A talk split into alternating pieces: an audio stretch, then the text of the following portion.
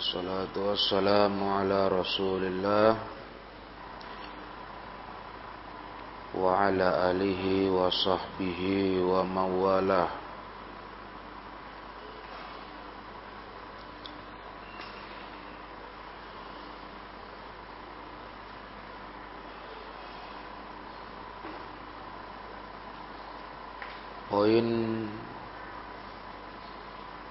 Berikutnya setelah kita baca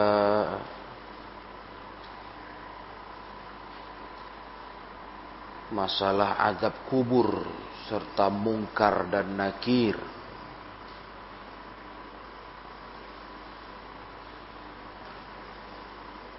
Mungkar nakir adalah dua malaikat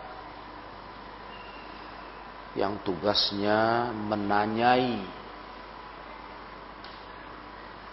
menanyai mayat dalam kuburan.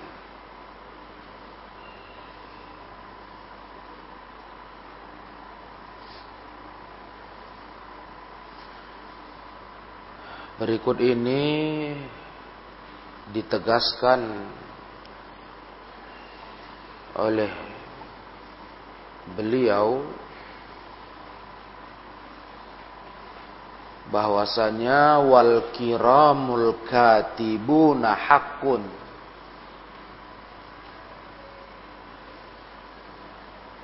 Al kiram maknanya malaikat-malaikat yang mulia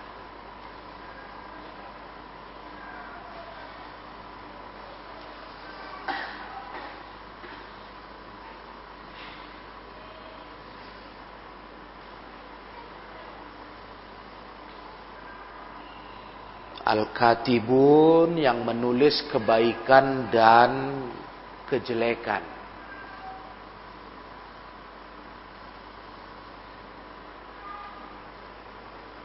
Kebaikan dan kejelekan yang kita kenal dalam istilah Al-Quran di surah Qaf ayat 17 sampai 18 ma yalfizu min qaulin illa ladaihi raqibun ati Qaf ayat 17 sampai 18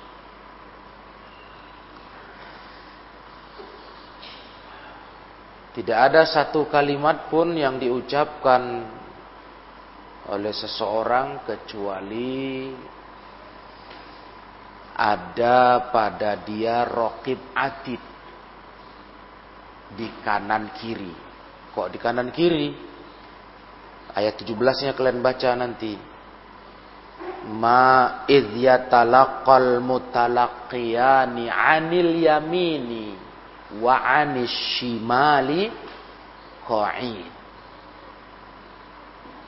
Jadi di kanan kiri anil yamin wa anil shimal Qaid, ada yang duduk nongkrongi kamu, nongkrongi kita. Siapa itu? Ma yalfidhu min qaulin illa ladaihi raqibun atid. Itu dalil. Jadi setelah kita tahu mungkar nakir betul adanya, sekarang ditegaskan beliau. Malaikat-malaikat yang mulia pencatat kebaikan, keburukan itu pun benar adanya. Dengan dalil surat Qaf tadi. Ada lagi dalil lain surah Al-Infitar. Hafal kalian itu ayat 10 sampai 11. Apa kata Allah di surah Al-Infitar? Wa inna alaikum lahafizin. Terus kiraman katibi. Nah itu dia. Nah, sungguh pada diri kalian itu ada yang jaga. Yaitu malaikat-malaikat kiraman katibin yang nulis. Hmm.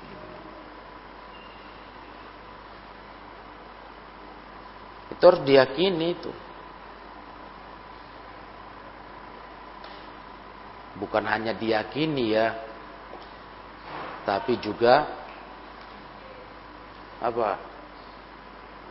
Dijaga tingkah laku kita, mulut kita itu dicatat, ada yang jaga. Ada yang kontrol.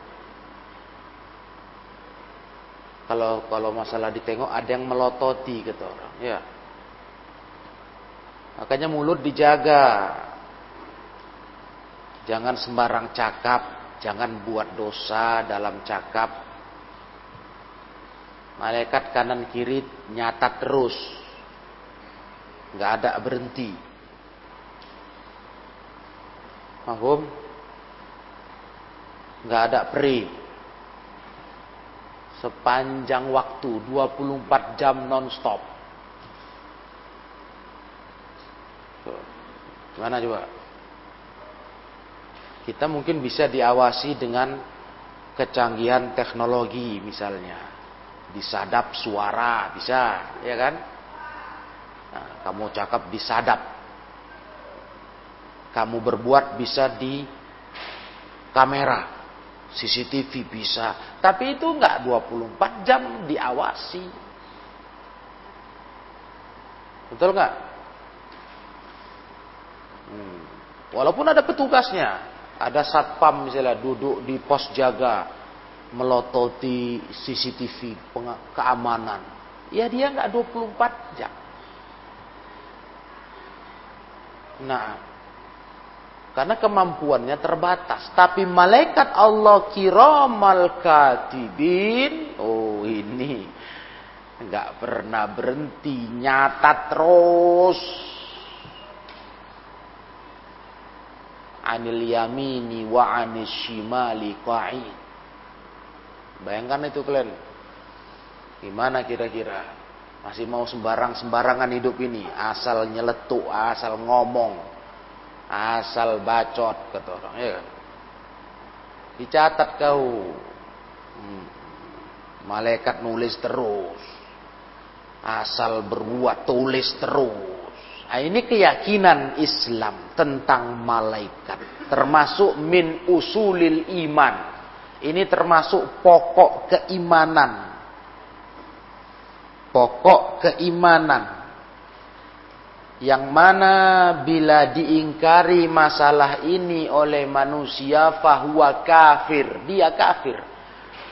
Karena ini masuk dalam rukun iman. Wal iman bil malaikah ya. Beriman kepada malaikat. Salah satunya yang sudah kita baca malaikat mungkar nakir. Malaikat penulis catatan amal. Rokib adid Sahih.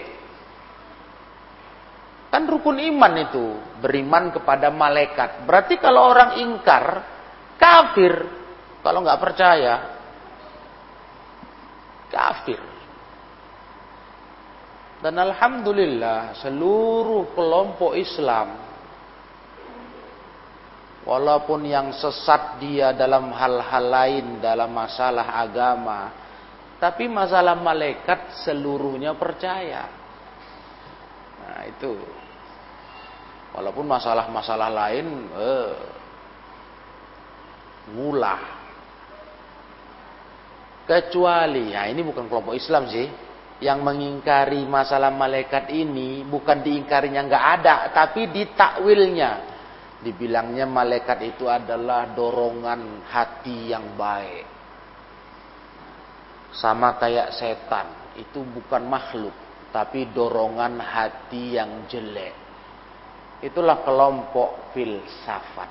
Falasifah kelompok filsafat itu nggak yakin dengan malaikat itu ada bentuk makhluknya. Kalau mereka memang kafir ya Jadi kalau ada kelompok Islam kena paham kayak gini, paham filsafat, eh sudahlah. Ini orang sudah keluar dari Islam. Karena malaikat itu ada bentuknya makhluk, bukan bahasa untuk sesuatu niat baik, dorongan baik hati bukan itu makhluk. Makhluk sampai-sampai dalam hadis sahih yang dikeluarkan Imam Muslim. Apa kata Rasul sallallahu alaihi wasallam? Khuliqatil malaikatu min nur. Malaikat itu dicipta dari cahaya. Berarti makhluk kan? Macam kamu lah. Dicipta manusia dari tanah. Makhluk nggak? Ada nggak kamu? Kalau udah gitu bahasanya. Dibu, dibuat, dicipta dari tanah. Ada kan? Adalah. Kita kan ada. Nah ketika malaikat dikatakan Nabi dicipta dari cahaya. Berarti dia makhluk ada bentuk lah. Cukup hadis ini aja udah jelas. Apalagi banyak lagi bukti-buktinya. Kayak Jibril datang ke Rasulullah bawa wahyu. Hah? Coba kalau diingkari ke bentuk malaikat. Nggak ada itu. Malaikat itu cuma dorongan wahyu aja di hatimu. Loh, jadi yang gimana Jibril bawa wahyu ke Nabi? Hah? Iya kan? Jadi apa itu? Banyak kali nanti akan diingkarinya. Azab kubur mungkar nakir nanyai. Malaikat yang mengazab. Yang kita sudah baca hadisnya. Buta. Tuli. nggak peduli dia. nggak tahu. Pokoknya dihantamnya pakai pakai martil gitu kan. Bimit rokotin. Bin hadid. Martil besi. Pam kepala itu. Gunung Uhud runtuh kalau dipukulnya pakai itu apa kepala kita. Jadi gimana itu kalau makhluk kalau malaikat itu nggak ada bentuknya? Jadi apa itu cerita itu? Malaikat pencatat amal ini lagi ha ayat yang bilang bukan lagi hadis. Anil yamin wa anis wa anil yamin wa anis shimali qaid ya kan? Berarti ada makhluk, ada bentuknya? Ada lah, malaikat itu ada. Bentuknya jelas, makhluk dia kayak kita, cuma dicipta dari cahaya. Bedanya itu kalau manusia dicipta dari tanah, kalau jin dicipta dari api. Iblis dari mana? Iblis itu makhluk apa?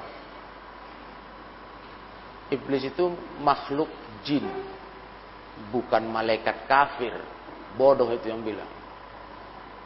Bukan malaikat kafir iblis itu.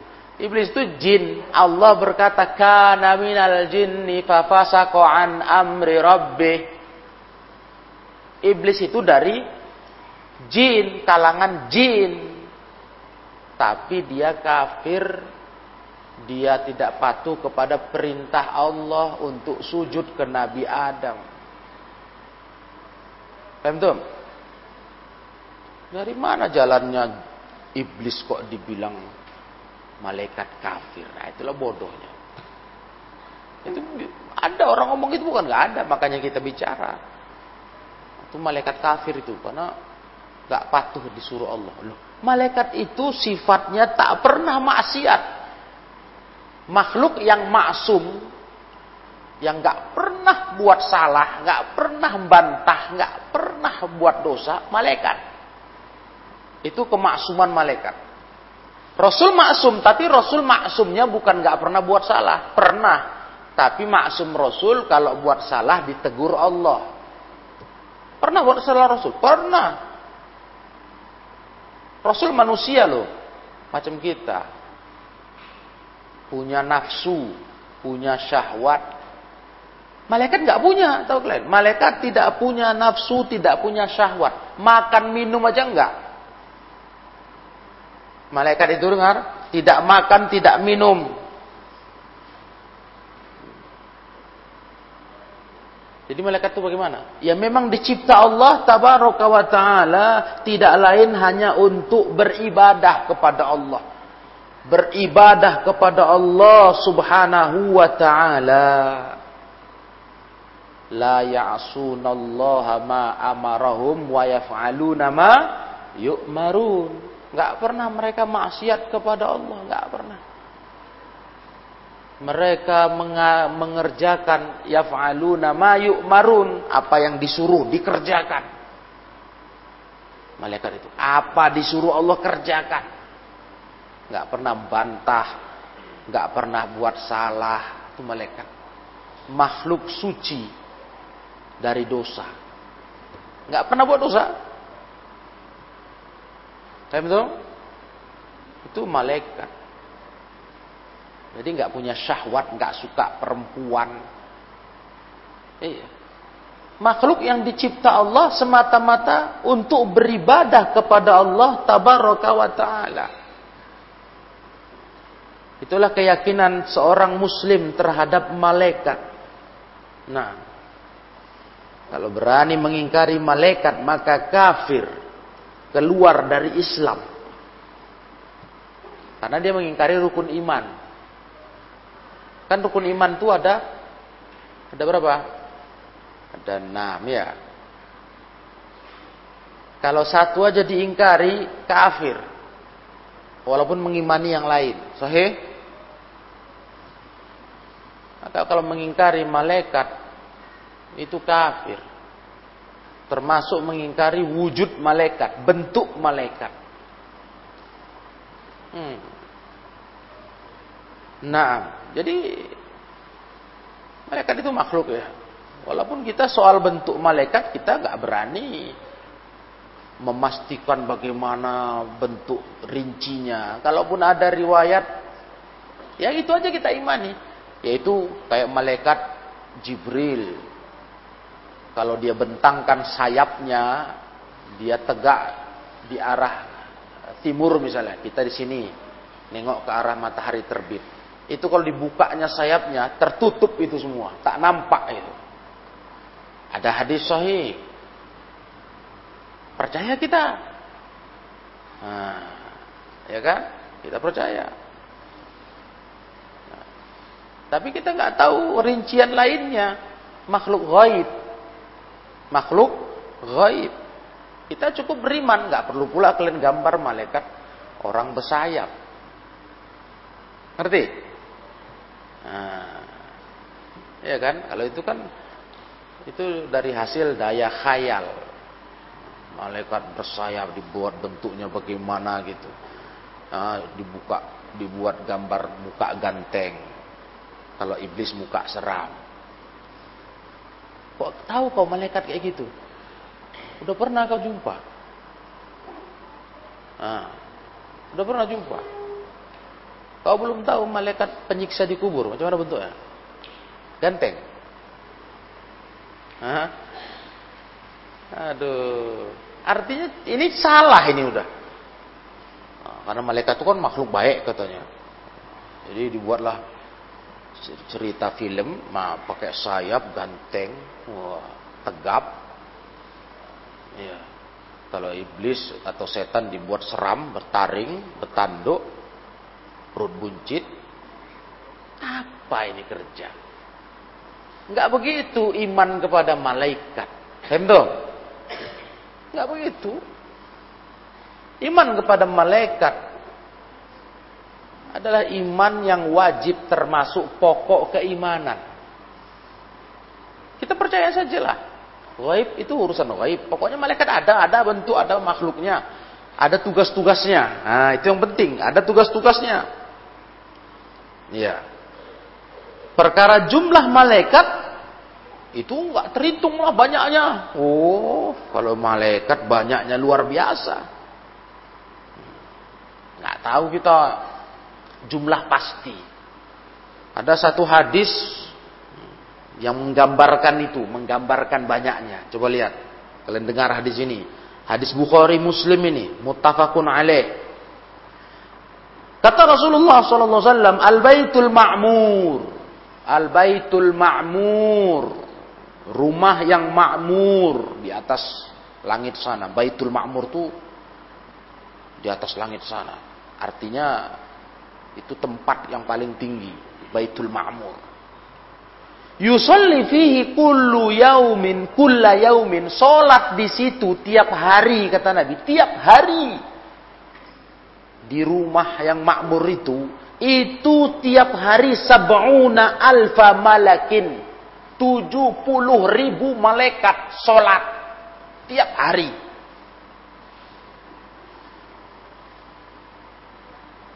Bukan itu-itu aja malaikatnya enggak. Pokoknya tiap hari 70 ribu sholat. Ganti-ganti, tahu kalian? Kata Nabi SAW, Iza kharaju lam ya'udu ilaihi akhiru ma'alaihim. Kalau udah keluar, itu nggak balik lagi dia ke situ. Bayangkan itu banyaknya, bertukar-tukar terus banyak itu tiap hari hadis Bukhari Muslim. Itu malaikat. Makanya penghuni langit sana tuh banyak. Sehingga kalau penduduk bumi ini mau kafir sama Allah, mau nggak nyembah Allah, semuanya los sana kata orang, ya kan? Perlu. Hmm. Bukan berkurang terus yang nyembah Allah, enggak. Ah, bahkan andai kata penduduk langit bumi semua nggak nyembah Allah, Allah tidak berkurang kebesarannya. Apalagi cuma penduduk bumi, di langit sana yang nyembah Allah tiap hari Baitul Ma'mur 70 ribu malaikat terus sholat. Habis sholat ini nggak balik lagi, yang sholat lagi yang lain terus. Gimana coba? Makanya istilah orang boklos sana manusia ini mau kafir. Kalian pikir rugi Allah. Nah, gitulah istilahnya ya kan? Kalian pikir rugi Allah. Oh nanti Allah nggak ada yang nyembah. Tapi udah kafir semua di dunia ini. Ah, Tak usah. Emdom, tak perlu. Kalian pikir Allah butuh sama kalian? Hei manusia. Itu. Yang butuh itu kita sama Allah, ya kan? Bukan Allah butuh sama kita. Bukan Allah butuh kita sembah. Salah. Yang butuh menyembah Allah tuh kita. Kita yang butuh. Itu tugas kita. Karena kita mau cari pahala dari Allah takut neraka, bukan Allah yang butuh kita sembah. Paham itu? Hmm, ini hadis Bukhari Muslim bisa bisa terbayang kalian tuh banyaknya malaikat. Cuma masalah nama memang betul. Nama-nama malaikat itu apa yang ada di Quran Sunnah kita percaya. Ya, apa yang ada di Quran Sunnah kita percaya. Malaikat Jibril kan ada nama-namanya. Mikail, ya kan? Malaikat uh, mungkar nakir, ada nama. Yang ada nama kita percaya. Yang nggak ada namanya kita nggak boleh kasih nama. Seperti contohnya malaikat kematian pencabut nyawa. Itu nggak ada nama dalam Al-Quran. Yang ada malakul maut. Loh, tapi ada katanya Israel. Ada nyanyinya pula kali. Kala Israel. Ya kan? Itu nama dari Israiliyat. Paham tuh? Maka jangan lagi dipakai istilah malaikat kematian dengan nama Israel. Itu penamaan dari Israiliyat. Cerita dari agama Yahudi. Jadi kalau bilang malaikat pencabut nyawa, malaikat kematian, malakul maut. Ya. Jangan bilang lagi kala Israel datang memanggil. Hah? Itu bukan nama malaikat yang pencabut nyawa, itu penamaan Israiliyat, cerita Israiliyat. Nah, boleh kalian yakini itu, nggak usah diyakini. Bilang aja malaikat maut, malaikat kematian datang men, datang mengambil nyawa. Kelas, paham dong? Macam-macam malaikat itu. Kalau dibilang tugas-tugas ya kalau dirinci, wah ada yang ditugaskan mengurus gunung, malakul jibal. Gunung aja urusannya. Nah, itu yang Rasulullah pernah ditawarkan malaikat gunung waktu Rasul disakiti di Taif ketika dakwah. Nah, malaikat gunung nawarkan ke Rasul, "Ya Muhammad sallallahu alaihi wasallam, kalau kau izinkan kuangkat gunung ini Kupindahkan ke kampung orang tuh, kutimpa prak. Bayangkan itu kalian kekuatannya. Gunung diangkatnya kayak mainan. Kata Rasul jangan. Mudah-mudahan dari anak turunan mereka di kampung ini keluar orang-orang yang mau mentauhidkan Allah. Ya, berharap Rasul. Ya, betul, Alhamdulillah. Hah? Sampai sekarang kan Taif masuk dalam negara Saudi Arabia. Ahli tauhid, ya kan? Coba kalau dulu dia kan Rasul, palak Rasul. Udahlah timpa aja lah, habis lah sudah. Pindah gunung itu di kampung itu. Nah, itulah malakul jibal. Ada namanya? Nggak ada. Ya namanya malaikat gunung sudah. Yang muwakal, diwakilkan, ditugaskan Allah untuk ngurus gunung. Nggak ada nama. Jangan kalian karang-karang namanya, dosa. Nah, itu bicara dengan bohong namanya. Ya. Wa antakulu Allah Allahi mala ta'lamun. Kalian bicara tentang Allah kalian nggak tahu. Nah, ada lagi malaikat yang ditugaskan ngurus surga, ngurus neraka. Iya ada. Malaikat ngurus surga, ngurus neraka. Udah ada lengkap itu. Ya. Ada malaikat yang ditugaskan ngurus hujan. Sahih? Nah, hujan di mana mau diturunkan yang sesuai perintah Allah. Ada malaikat petugasnya. Makanya hujan itu di mana turun itu bukan kehendak manusia. Itu sudah sesuai tugas dari Allah ke malaikat. Malaikat tinggal ngiring aja, turun sini, turun di sini. Dengan ini berarti kalian sudah yakin betul kan? Dustanya, bohongnya para pawang hujan. Ya. Masih percaya lagi sama pawang hujan? Hah? Itu kebodohan paling bodoh itu, kalau yakin sama pawang hujan. Ketololan paling besar. Bagaimana mungkin manusia lemah? Udahlah kau lemah, kau bukan orang taat. Kau alah sudahlah namanya manusia lah, kecil. Bisa pula ngatur hujan, jangan turun. Mau kata pawangnya. Otakmu di mana bilang sama dia. Kau mimpi ya Pak. Kau ngatur hujan. Jangan turun. Ku baca-bacain. Hmm, astagfirullah. Kok manusia percaya itu? Sampai sekarang percaya. Masih laris itu. Pawang hujan katanya. Untuk mencegah hujan. Biasanya guna pawang hujan ini mencegah hujan. Jadi hujan jangan turun. Aku ada pesta. Ada pesta kawinan. Walimah ya kan. Panggil pawang hujan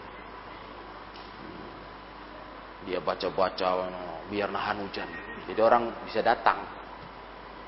Cobalah masuk akalnya. Uh, sedangkan malaikat itu sudah jelas tugasnya. Di mana mau turun, turun. Di mana mau ditahan, ditahan. Mau mendung kayak mana pun, kalau kata Allah tidak turun di situ, di kita, ya nggak turun, pergi lagi awannya, pindah lagi. Sesuai dengan pengaturan Allah yang dilakukan malaikat. Bagaimana seorang manusia yang lemah sangat lemah ini mau ngatur hujan. Itu kan bodoh. Bodoh dia tukang pawang hujan ini. Bodoh lagi yang make dia. Betul? Bodoh dia, bodoh lagi yang make dia. Kok percaya gitu loh. Nah, ternyata betul, kebetulan, bukan betul, kebetulan. Pawang hujan ini dipakai, mendung, nggak jadi hujan. Wah mantap ampuh pawang hujannya, mantap. Besok dipakai lagi dia. Padahal terang-terang benderang, hujan pur. Wih, bukan nggak mantap, bukan itu cakapnya. Kurang syarat. Betul nggak? Kurang syaratnya kita ini, maka hujannya turun juga, kata si pawang. Hmm? Kurang apa? Kurang syarat apa Pak? Bilang. Biasa kan pawang itu pakai rokok, kurang rokok. Satu selop rokok ku cocok cucuan mulut kau nanti bilang. Hah? Pakai rokok itu, paling pernah sekali lihat prakteknya itu. Bodoh lah keluarga ini. Pakai isapnya empat batang taruhnya di halaman. Pakai rokok nggak nahan hujan. Muncung kok cucuk rokok satu selop nanti bilang. Tahu satu selop? Satu kotak besar. Ada aja kurang syarat katanya. Astagfirullah. Dia tuh bonga, tahu bonga? Nipu itu. Macam pula dia nahan hujan. Nah, itulah manusia nih kalau udah kebodohan nempel karena nggak belajar, nempel kali kebodohan di kepala. Kalau berhasil paten pawangnya. Oh, besok dikasih ke keluarga lain. Oh, mau pesta kau, Pak Utu. Ini pawang hujan undang dulu. Mantap deh. Kemarin pesta rumah aku udah mendung kali nggak jadi hujan. Oh, kalau berhasil, kalau gagal, nggak terus ah bodoh kau, nggak gitu. Wah dibela, wah ini kurang syarat nih besok coba syarat lagi. Tak kurang amplop, tak kurang apa atau gitu. Bisa pula kayak gitu. Alah, alah, alah. Terlalu bodoh lah manusia ini sudah. Kalau udah syirik, itu kan syirik itu. Nah, keyakinan syirikiyah. Hmm, bisa mendatangkan manfaat madarat selain Allah. Itu udah syirikiyah. Ya memang kalau syirik itu ke orang bodoh-bodoh. Bodoh-bodoh, ya kan. Nauzubillah min dzalik. Dah, itu malaikat tugasnya. Jadi ada tugasnya bawa hujan. Ada tugasnya muakal bin nabat ngurus tanaman. Ada Muakal bin nabat, ya, ngurus tanaman. Ada muakal bin nujum, ngurus bintang. Ada tugas-tugasnya malaikat ini di dunia di alam ini. Nah, ada tugasnya pula yang memakmurkan langit. Wakal bi'imaratis samawat memakmurkan langit, meramaikan langit. Ada, karena banyak kali malaikat itu. Macam-macam lah tugas malaikat itu ya dalam hadis-hadis sahih. Ada tugasnya lagi yang pernah kita belajar memanggul aras. Mikul aras. Ingat kalian? Ingat? Aras itu dipikul malaikat. Aras Allah. Wah bayangan kalian tuh. Seberapa besarnya malaikatnya. Seberapa kuatnya. Aras itu aja makhluk yang paling besar. Ya kan? Makhluk yang paling besar dicipta Allah. Langit bumi sebesar ini kecil kali kalau ditaruh di aras. Itu dipikul oleh malaikat. Ada ayatnya kan? Surah apa itu? Wa yahmilu arsya rabbika fawqahum yauma idzin thamaniyah. Ayo, surah apa itu? Hah? Surat ah, Surat apa ini? Ada yang ingat?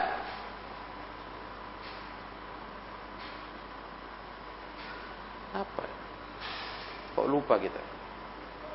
Kalau lupa memang nggak ingat. Itulah masalahnya. Ah, surat Al-Haqqah ya. Iya kan? Al-Haqqah. Coba tengok Al-Haqqah. Ayat berapa? Uh, eh, 17 kayaknya. Apa 18? Antara itu. Al-Haqqah 17 atau 18 coba. Pastikan dulu wa yahmilu arsya rabbika fawqahum yauma idzin samania. Ayat berapa? 17. Nah, bukan 18, 17. Hari itu membawa ars Rabbmu, hari itu hari kiamat, yang membawa ars Rabbmu itu samania, 8 malaikat. Ars itu. Jadi luar biasa, tugas-tugas malaikat itu jelas. Ya, jelas sekali. Hmm. Sehingga kita meyakini itu tugas-tugas itu. Ya. Kita percaya dengan malaikat. Nah. Hmm. Nah, kemudian ada juga yang perlu kita perhatikan selain tadi malaikat pencatat amal. Awas ya, ingat-ingat, jangan asal-asalan hidup ini. Hati-hati dosa-dosa yang gampang kita buat tuh jaga-jaga ada dicatat loh. Nggak nggak perih ngomong itu seperti riba, namimah, nyebar fitnah, ya. Awas nyok, cakap ngomong hati-hati. Riba tuh paling gampang, paling enak, paling manis. Nah, Sedap kali udah pantang kumpul. Wah, mulailah bulan gini, bulanah gini.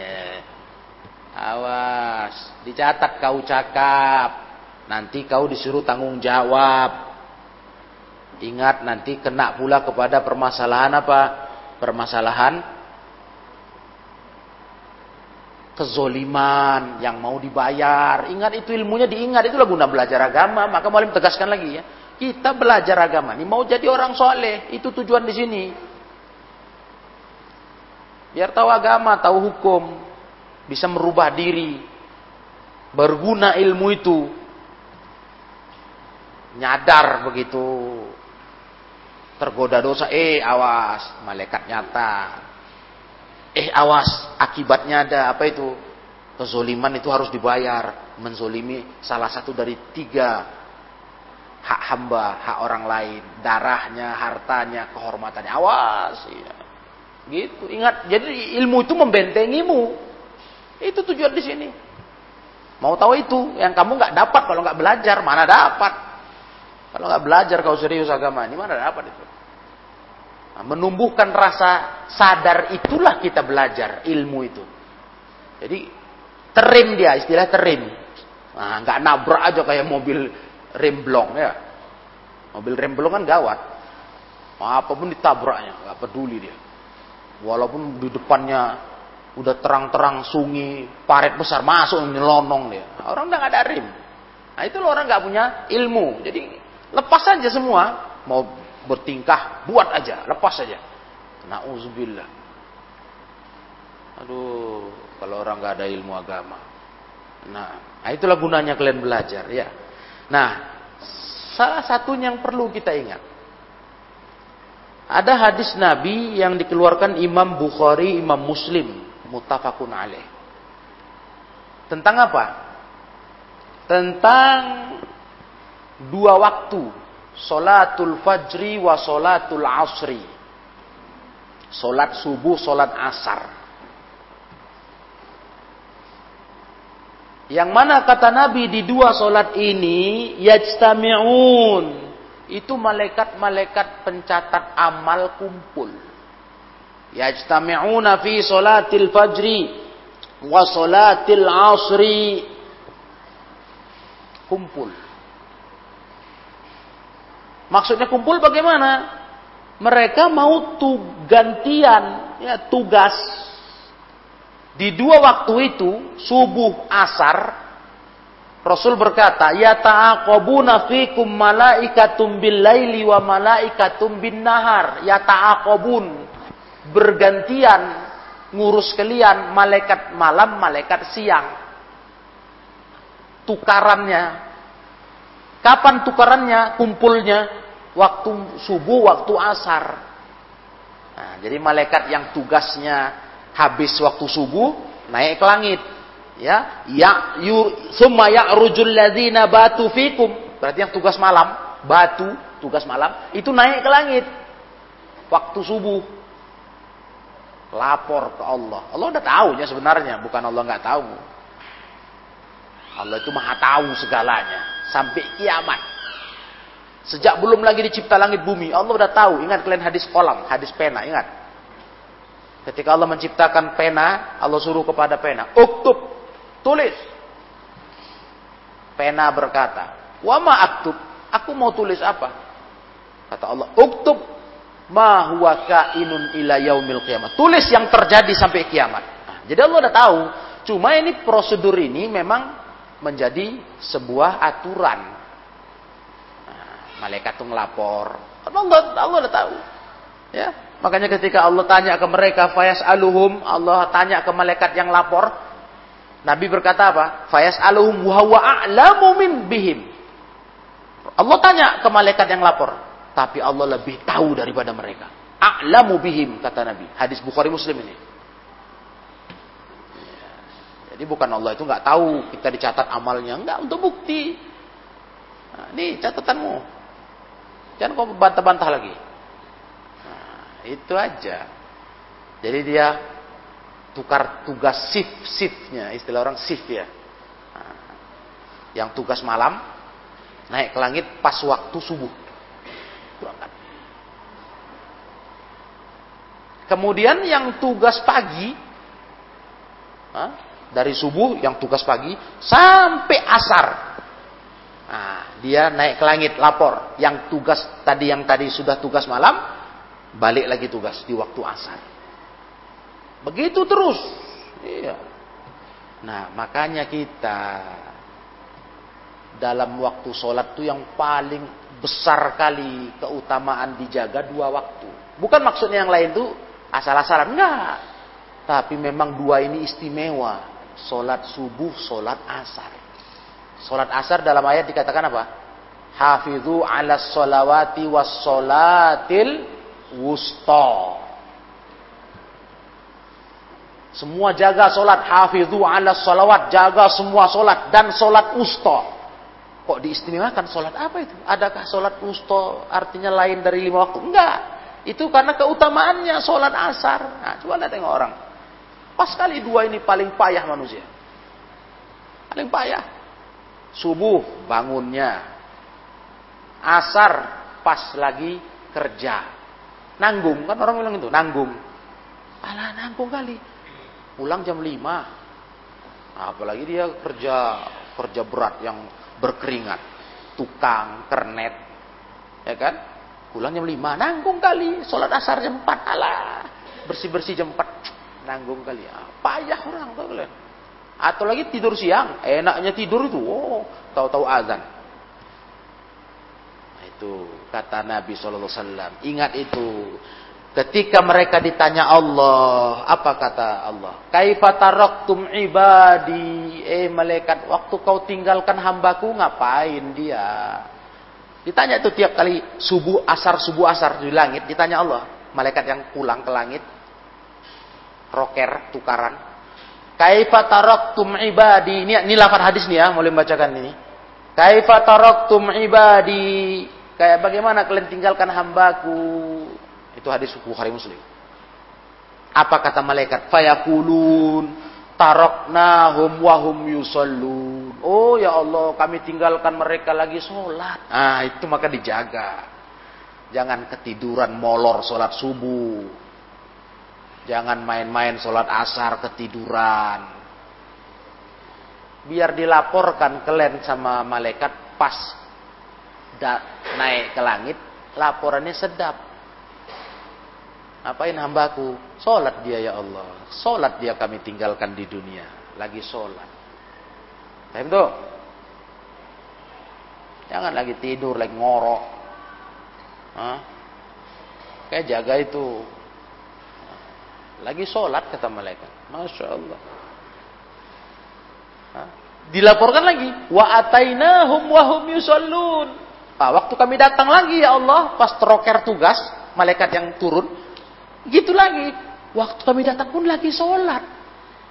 Nah, jadi yang yang berangkat tuh ngelapor begitu. Nah, begitu yang, yang naik ke langit, malaikatnya lapor. Kami tinggalkan mereka ya Allah lagi sholat.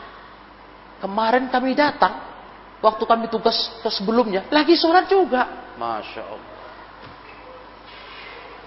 Itu jaga Jaga sholat yang dua ini. Ini hadis Bukhari Muslim.